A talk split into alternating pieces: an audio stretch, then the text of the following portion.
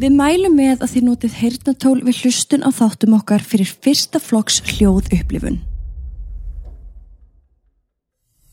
Þúsundur Íslendinga verða árlega fyrir aðkasti vegna atbyrða sem ekki eiga sér eðlilegar skýringar. Í gegnum tíðina höfum við fengið talsverta sögum sendar til okkar þar sem fólk er raunverulega að lýsa hræðslu og óta á yfir náttúrulegri upplifun. Atvikum sem hafa komið fyrir þau á stopnunum, vinnustöðum en þó lang oftast inn á þeirra eigin heimilum. Í þessum þáttum munum við fara yfir aðsendar sögur, deila þeim með ykkur og rýna betur í þær saman. Ég heiti Stefán John Og ég heiti Katrín Bjarkadóttir og þetta eru sannar íslenskar draugasögur.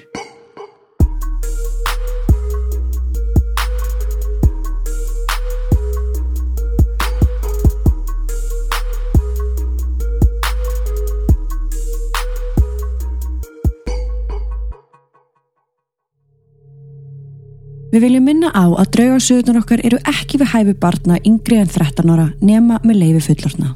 Og með því hefjum við sögu dagsins.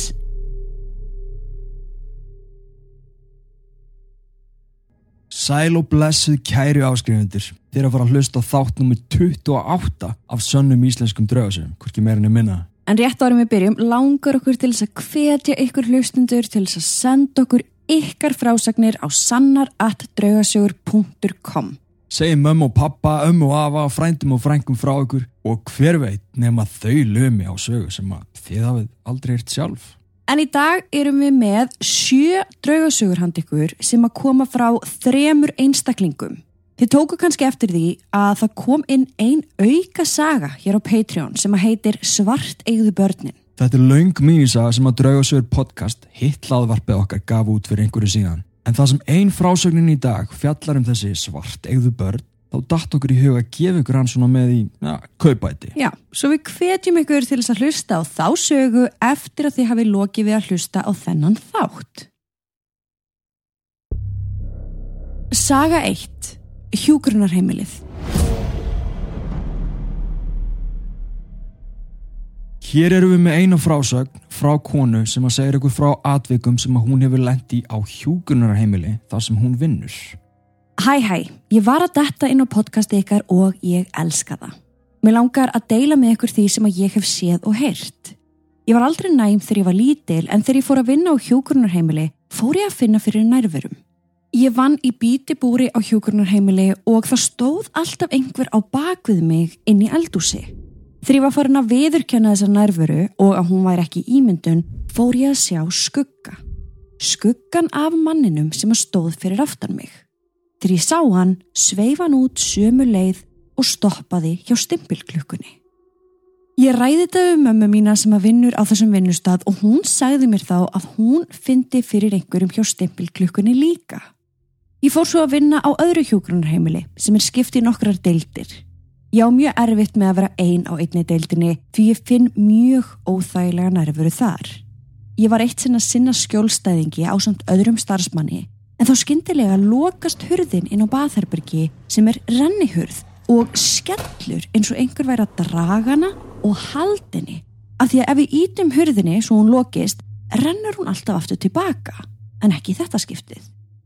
Við stóðum báðar reyfingalösar og reyndum að finna útskýringu fyrir því hvernig hurðin gatt lokast svona allt í einu en það var ekkert sem að gatt útskýrt að hún hafi allt í einu farið á stað og svo ekki raunnið tilbaka. Stuttu síðar var ég inn í sama herbergi með skjólstæðing á klósettinu og öll ljós slögt inn í herberginu. Svo sé ég einhvern labba frá glugganum og fram. Ég ætlaði þá að byggja starfsmannin um að sækja fyrir mig eitthvað sem ég vantaði því ég gati ekki skilið skjólstæðingin einan eftir en það var enginn frammi. Ég sá líka mann labba inn í rými þar sem ljós með reyfiskinjara eru en þau kviknuð ekki. Ég pældi svo sem ekkert meira í því. Ég hliti bara að hafa slögt ljósinn. Stuttu síðar ringir bjalla og ég stend upp og lappa á stað og við það kvikna ljósinn. En nú kemur það besta en jafnframt það óþægilegasta. Ég var á næturvakt og er að græja það sem þarf að græja og sé það út undan mér konu sem er að fykta við hjólastól og ég sé hana mjög skýrt og ég held að hún sé skjólstæðingur á vappi. Ég horfi svo upp og þá var hún horfin. Ég held ég var að ímynda mér hana en ég ræði þetta við starfsmann sem að koma morgunvaktina. Ég lýsi konunni fyrir henni, hún var í dökkum buksum litrikum ból með rauðan varalit og stutt grátt liðað hár.